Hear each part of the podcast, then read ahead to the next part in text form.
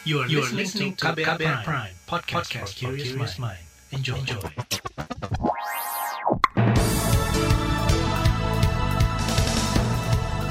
Anda mendengarkan Buletin Pagi edisi 6 Agustus 2021 yang dipersembahkan oleh kantor Berita Radio saya, Reski Mesanto. Saudara, pagi hari ini saya kembali menyapa Anda dan siap menjadi teman Anda beraktivitas di pagi hari ini. Dan seperti biasa, tim redaksi KBR telah menyiapkan sejumlah informasi untuk Anda. Di antaranya, penanganan pandemi kunci pertumbuhan ekonomi di kuartal 3. Warga tetap bisa mendapat vaksin meski tak memiliki NIK, dan DKI Jakarta bersiap gelar belajar tatap muka. Dan saudara inilah Buletin Pagi selengkapnya. Terbaru di Buletin Pagi. Saudara, ekonomi Indonesia tumbuh 7% pada kuartal 2 tahun ini. Sejak pandemi COVID-19 melanda, ekonomi dalam negeri terpuruk bahkan jatuh ke resesi. Resesi adalah kondisi merosotnya ekonomi suatu negara selama dua kuartal atau lebih dalam satu tahun.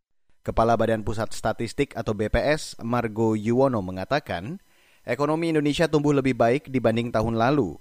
Namun, kata dia, untuk kuartal 3 2021, kunci pertumbuhan ekonomi bergantung pada penanganan pandemi.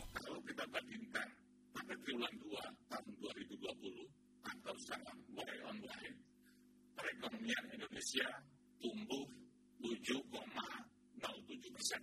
Sedangkan kalau secara kumulatif, artinya dari Januari sampai dengan Juni tahun 2021 terhadap Januari Juni tahun 2020, perekonomian Indonesia tumbuh 3,10 persen. Margo Yuwono menjelaskan perekonomian Indonesia berdasarkan besaran produk domestik bruto atau PDB atas dasar harga berlaku di triwulan 2 2021 mencapai 4,1 kuadriliun rupiah. Kemudian jika dilihat atas dasar harga konstan atau ADHK mencapai lebih dari 2,7 kuadriliun rupiah. Komponen ekspor barang dan jasa mengalami pertumbuhan tertinggi sebesar 31,78 persen. Pertumbuhan year on year triwulan 2 2021 terjadi di semua kelompok pulau. Hal ini terutama terlihat pada kelompok provinsi di Pulau Jawa dengan kontribusi sebesar 57,92 persen. Sementara itu, Saudara Menteri Koordinator Perekonomian Erlangga Hartarto mengatakan, pertumbuhan ekonomi di kuartal 2 terjadi lantaran sektor ekspor impor dan konsumsi meningkat dibanding tahun lalu. Ia mengklaim pertumbuhan ekonomi RI cukup pesat selama pandemi dibanding beberapa negara lain, semisal India yang tumbuh 1,6 persen di kuartal 2 sedangkan Jepang minus 1,6 persen di kuartal 2. Nah dari sisi komponen pengeluaran atau agregat demand, semua komponen pengeluaran tumbuh positif dengan pertumbuhan ekspor dan impor tumbuh sebesar 31,78 dan 31,22 year on year, seiring dengan meningkatnya demand domestik dan global, dan konsumsi pemerintah tumbuh tinggi, yaitu 8,06 persen secara year on year, dan ini seiring dengan komitmen pemerintah dalam penanganan COVID dan pemulihan ekonomi nasional. Erlangga mengatakan untuk menjaga roda perekonomian terus stabil, relaksasi-relaksasi akan terus dilakukan hingga akhir tahun. Tujuannya agar unit-unit usaha di masyarakat tetap bisa berjalan, sehingga perekonomian dan kesehatan akan terus berangsur membaik. Saudara Menteri Keuangan Sri Mulyani Indrawati mengatakan pemerintah patut mewaspadai pertumbuhan ekonomi di kuartal 3 dan 4. Sebab kata dia, saat ini COVID-19 varian Delta masih mengancam di dalam negeri. Bendahara negara menyatakan jika penanganan pandemi tidak berjalan baik, maka perekonomian bisa kembali anjlok. Sementara mungkin downside risk-nya untuk kuartal ketiga terutama adalah delta varian. Karena delta varian nanti mempengaruhi di sisi demand adalah pada konsumsi yang sangat tergantung kepada mobilitas dan aktivitas masyarakat dan juga bisa mempengaruhi ekspor kita kalau delta varian menjalar dan sekarang memang sedang menjalar ke seluruh negara di dunia, termasuk negara-negara yang tadi menjadi tujuan ekspor. Menteri Keuangan Sri Mulyani mengakui kinerja ekspor membaik di kuartal 2, namun ekspor bisa terganggu karena sejumlah negara tujuan ekspor seperti Amerika dan RRT mengalami kenaikan kasus corona.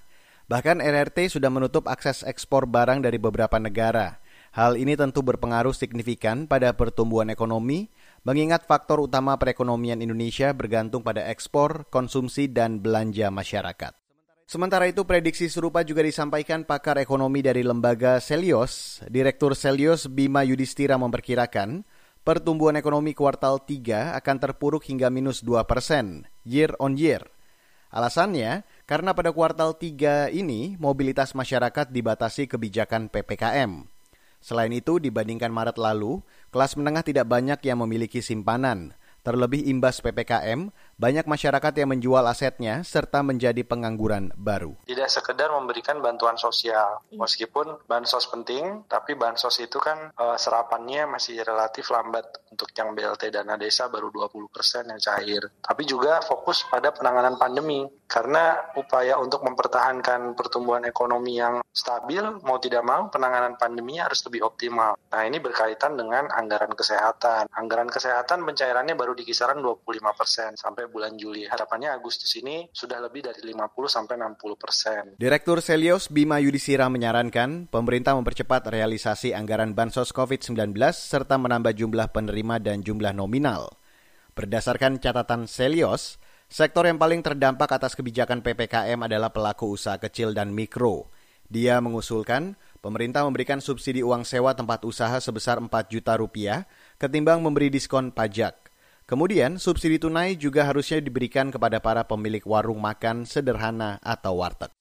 Saudara, selanjutnya di Buletin Pagi akan saya hadirkan informasi mengenai pengembangan kendaraan listrik di tiga daerah utama. Informasi selengkapnya sesaat lagi. Tetaplah di Buletin Pagi. You're listening to KBR Pride, podcast for curious mind. Enjoy!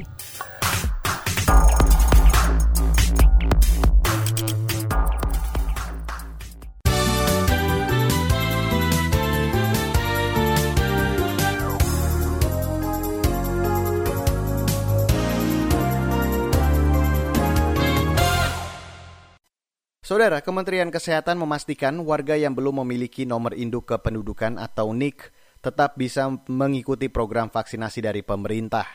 Juru bicara vaksinasi COVID-19 dari Kementerian Kesehatan, Siti Nadia Tarmizi, menyatakan sudah mengeluarkan surat edaran tentang pelaksanaan vaksinasi COVID-19 bagi masyarakat rentan dan masyarakat lainnya yang belum memiliki nomor induk kependudukan. Ya, eh, terkait tentang warga yang kemarin mungkin tidak memiliki nomor induk kependudukan, sekarang eh, sudah kita fasilitasi. Artinya pelaksanaan vaksin itu eh, dilakukan bersamaan dengan eh, dinas eh, kependudukan dan eh, catatan sipil ya. Jadi pada saat eh, warga akan mendapatkan vaksin, silahkan datang ke sentra vaksinasi. Kemudian eh, kalau memang belum memiliki NIK, eh, akan dibuatkan NIK oleh Dukcapil pada eh, eh saat tersebut jadi sekaligus dapat vaksin, sekaligus juga dapat nik gitu, Juru bicara vaksinasi COVID-19 dari Kementerian Kesehatan, Siti Nadia Tarmizi berharap Dinas Kesehatan maupun Dinas Kependudukan di daerah dan instansi lain bisa segera menindaklanjuti keputusan ini, supaya masyarakat rentan dan masyarakat lain yang belum memiliki NIK bisa segera divaksinasi. Saudara, pemerintah mendorong pengembangan kendaraan bermotor listrik berbasis baterai atau KBLBB di beberapa daerah. Menteri Perhubungan Budi Karya Sumadi mengatakan, sebagai tahap awal, pemanfaatan kendaraan ini akan dilakukan di tiga daerah.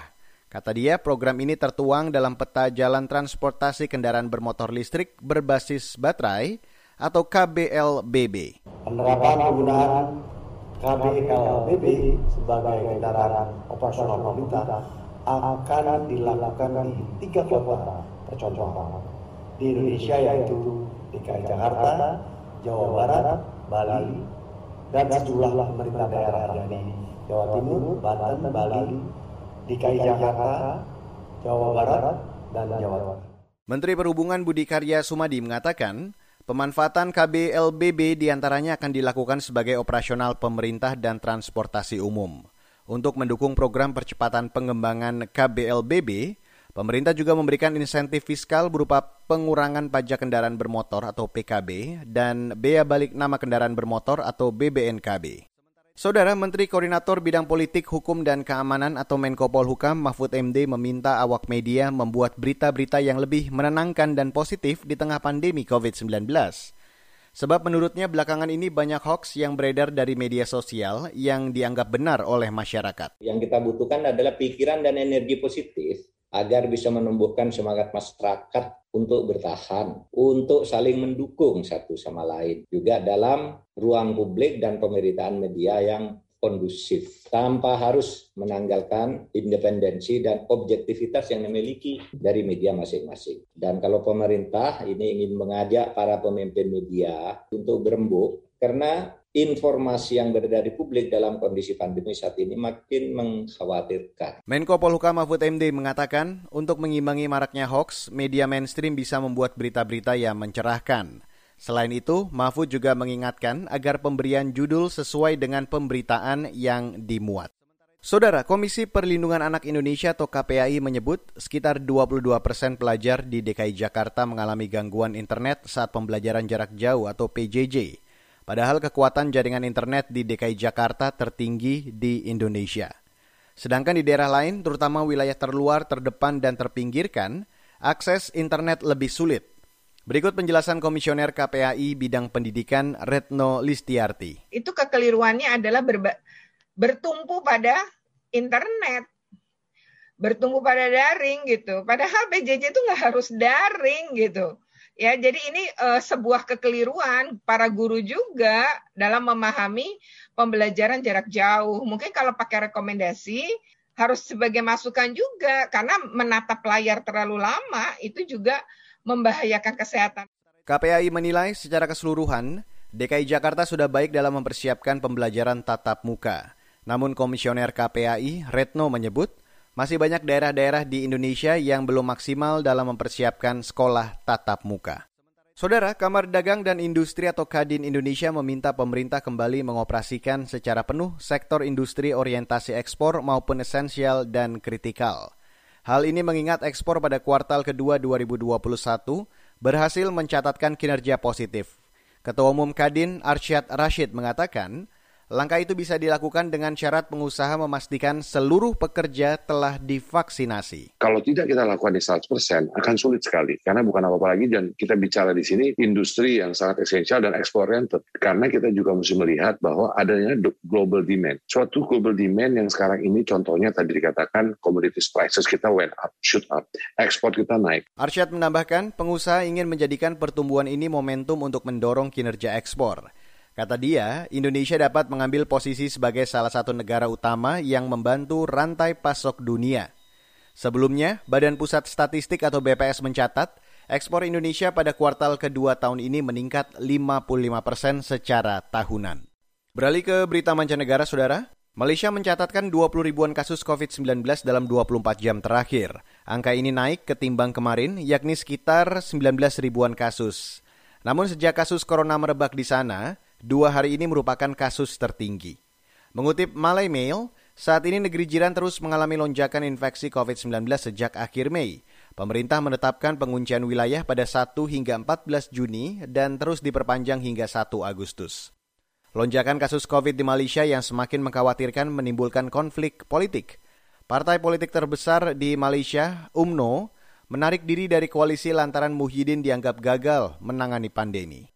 Beralih ke berita olahraga, Saudara. Menteri Pemuda dan Olahraga atau Menpora Zainuddin Amali akan memperluas cabang olahraga yang ditargetkan meraih medali di Olimpiade. Menurut Zainuddin, langkah itu dilakukan agar prestasi olahraga Indonesia tidak hanya bertumpu pada satu atau dua cabang olahraga saja. Sepanjang partisipasi Indonesia di Olimpiade, bulu tangkis dan angkat besi menjadi dua cabang yang konsisten menyumbangkan medali untuk merah putih. Rencana itu saat ini masih terus dikaji ke Menpora Zainuddin berharap cabang olahraga lain juga bisa mendapat medali sehingga dapat memperbaiki peringkat Indonesia dalam setiap partisipasinya di Olimpiade. Saudara, selanjutnya di Buletin Pagi akan kami hadirkan laporan khas KBR mengenai kematian akibat COVID-19 capai 100 ribu. 3T masih lemah. Tetaplah bersama kami di Buletin Pagi. You're listening to KBR Pride, podcast for curious mind. Enjoy!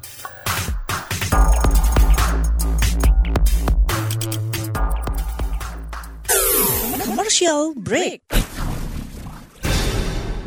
Hmm, saya heran kenapa dagangan Pulastri selalu laris manis ya?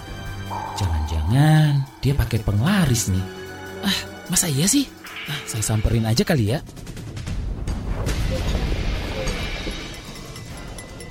Eh, Pak Bayu, gimana Pak? Udah makan siang belum? Iya Bu Lastri, belum nih. Saya lihat dagangan Bu Lastri laris terus. Bu Lastri pakai penglaris ya?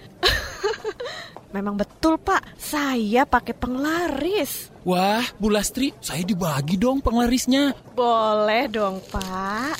Nih Pak Bayu, silahkan dipakai maskernya. Hah? Masker? Betul Pak Bayu, masker ini yang membuat dagangan saya laris manis sekarang. Karena pembeli merasa aman beli kue-kue saya. Selain itu juga melindungi saya terpapar virus. Karena kan kita ketemu banyak orang. Dan saya juga nggak pernah lepas sekalipun selama berjualan. Dicoba deh Pak Bayu. Laris dagangannya, lari virusnya.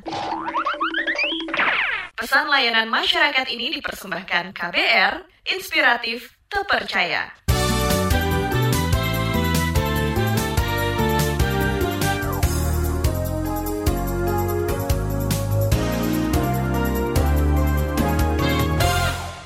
Saudara, Anda masih bergabung bersama kami di Buletin Pagi KBR. Angka kematian akibat COVID-19 di Indonesia mencapai lebih dari 100 ribu orang pada pekan ini. Jumlah ini tertinggi di ASEAN, bahkan dalam beberapa hari terakhir, kasus kematian rata-rata di atas seribu orang. Lalu apa upaya menekan tingginya kasus kematian? Informasi selengkapnya, saya ajak Anda untuk mendengarkan laporan khas KBR yang disusun Sindu Darmawan. Satuan Tugas Penanganan COVID-19 mengakui terjadinya peningkatan angka kematian yang signifikan beberapa waktu terakhir. Total ada lebih dari 100 ribu orang meninggal terhitung sejak kasus pertama ditemukan, yakni pada Maret tahun lalu.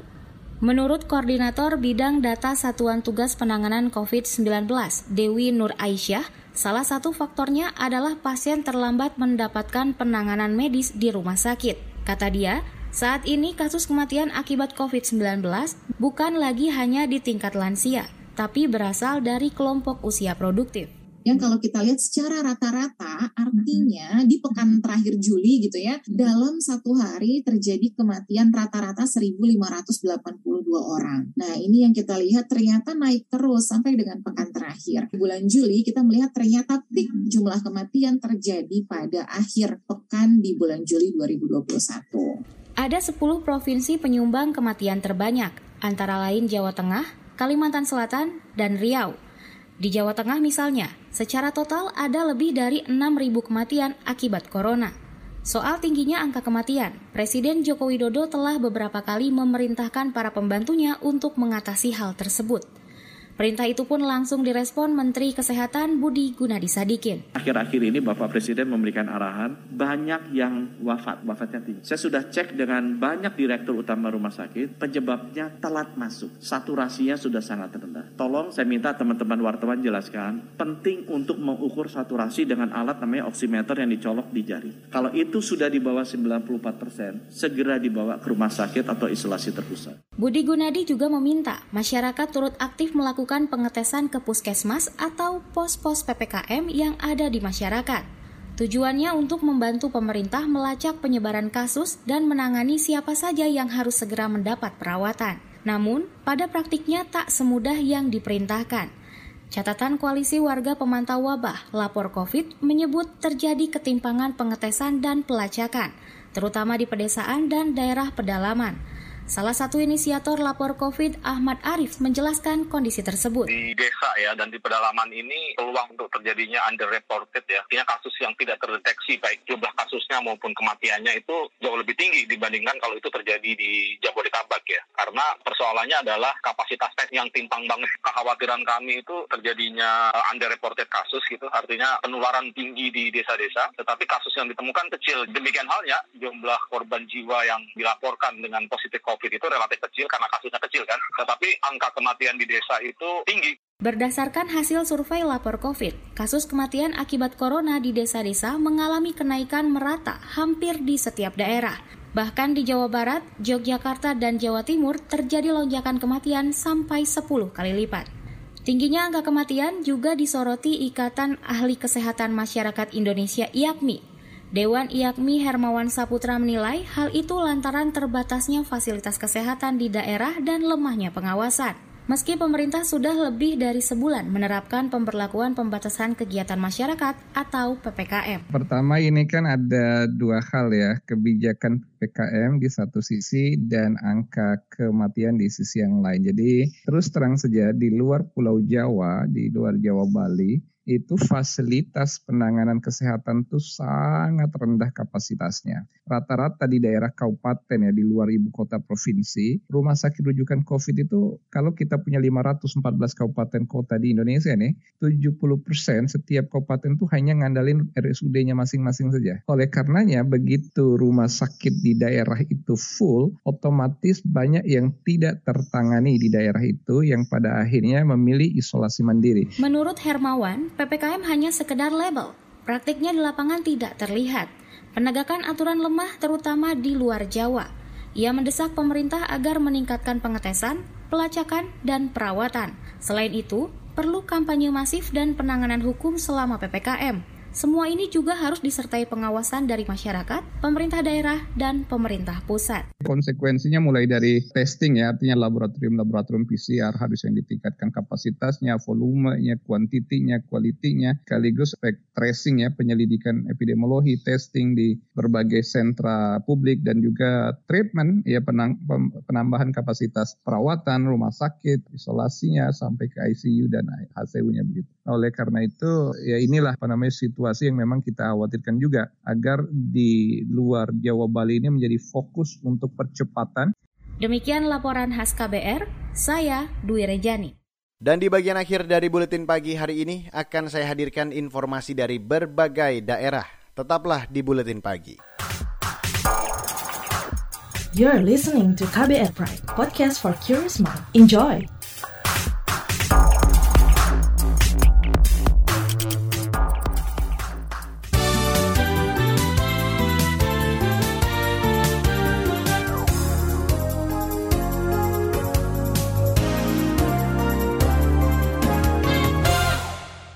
Ini adalah bagian akhir dari buletin pagi hari ini. Saudara, Direktur Lembaga Bantuan Hukum atau LBH Bali, Nika Dekvani Primali Running mengatakan, laporan dugaan makar kepada dirinya dan LBH ke Polda Bali merupakan bentuk kriminalisasi terhadap pegiat hukum. Ia menduga ini terjadi karena LBH Bali tengah memberikan pendampingan kepada mahasiswa Papua. Jadi itu juga cukup lucu bagi kami. Jadi ketika uh, eh, LBH dilaporkan telah melakukan uh, makar gitu. Dan tentunya kita juga minta uh, foto bukti. Ketika kita minta tanggapi, kita minta juga bukti-bukti laporannya seperti apa terkait dengan laporan yang ditujukan kepada LBH Bali itu atas tuduhan makar. Dan menjadi menarik uh, bahwa tuduhan tersebut gitu itu uh, ditujukan ketika kami LBH Bali melakukan pendampingan aksi terhadap kawan-kawan mahasiswa Papua. Sebelumnya Ketua Divisi Hukum PGN Bali Pariyadi melaporkan Fani dan LBH Bali ke Polda Bali atas tuduhan makar. Laporan tersebut kemudian diterima kepolisian dengan mengeluarkan nomor laporan Dumas. Dalam laporan tersebut, Pariyadi membawa sejumlah alat bukti berupa video dan beberapa barang dan atribut yang direbut dari para mahasiswa saat akan melakukan aksi. Kita ke Aceh, Saudara. Sebanyak 81 ribu hektar areal lahan produktif pertanian di wilayah Provinsi Aceh telah beralih fungsi dalam tiga tahun terakhir. Hampir sebagian bekas hamparan persawahan itu berubah menjadi rumah dan toko, jalan tol, perkantoran, dan lainnya. Kepala Bidang Sarana dan Prasarana Pertanian dan Perkebunan Aceh, Fakru Razi mengatakan, Maraknya kegiatan alih fungsi lahan itu dikhawatirkan akan berdampak buruk terhadap ketersediaan pangan di daerah. Aceh dulu punya lahan kita 294 tahun 2018 ya. Sekarang tinggal 213 ribu. Sangat miris ini. Ia mengimbau masyarakat tidak melakukan upaya pengalihan lahan pertanian untuk sarana lain. Sebab hal itu bertentangan dengan undang-undang tentang perlindungan lahan pertanian dan tanaman pangan. Dalam bilate itu disebutkan, siapa pun yang berupaya mengalih fungsi lahan akan dikenakan sanksi denda dua kali lipat dari harga tanah. Saudara, pemerintah Provinsi DKI Jakarta telah mempersiapkan proses pembelajaran tatap muka atau PTM terbatas bagi sekolah dasar hingga sekolah menengah. Namun pelaksanaan PTM tersebut dipastikan tidak akan dilakukan dalam waktu dekat. Mengingat tingkat kasus positif di Jakarta masih di atas 15 persen. Berikut saya hadirkan penjelasan pelaksana tugas Kepala Dinas Pendidikan dan Kebudayaan Provinsi DKI Jakarta. Selamat.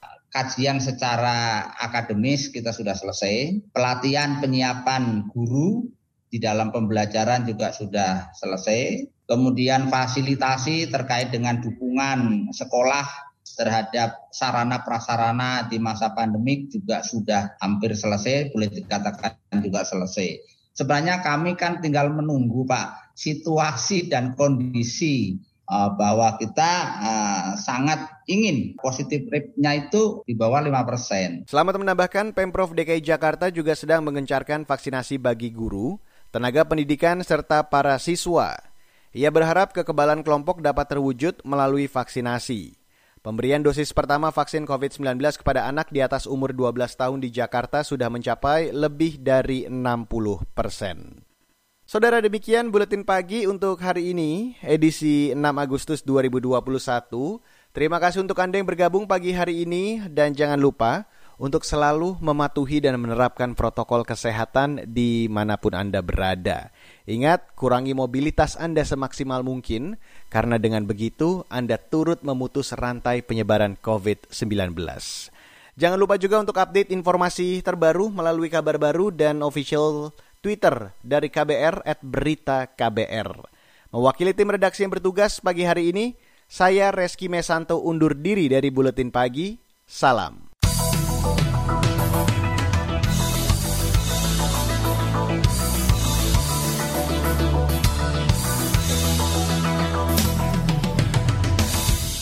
KBR Prime, cara asik mendengar berita. KBR Prime, podcast for curious mind.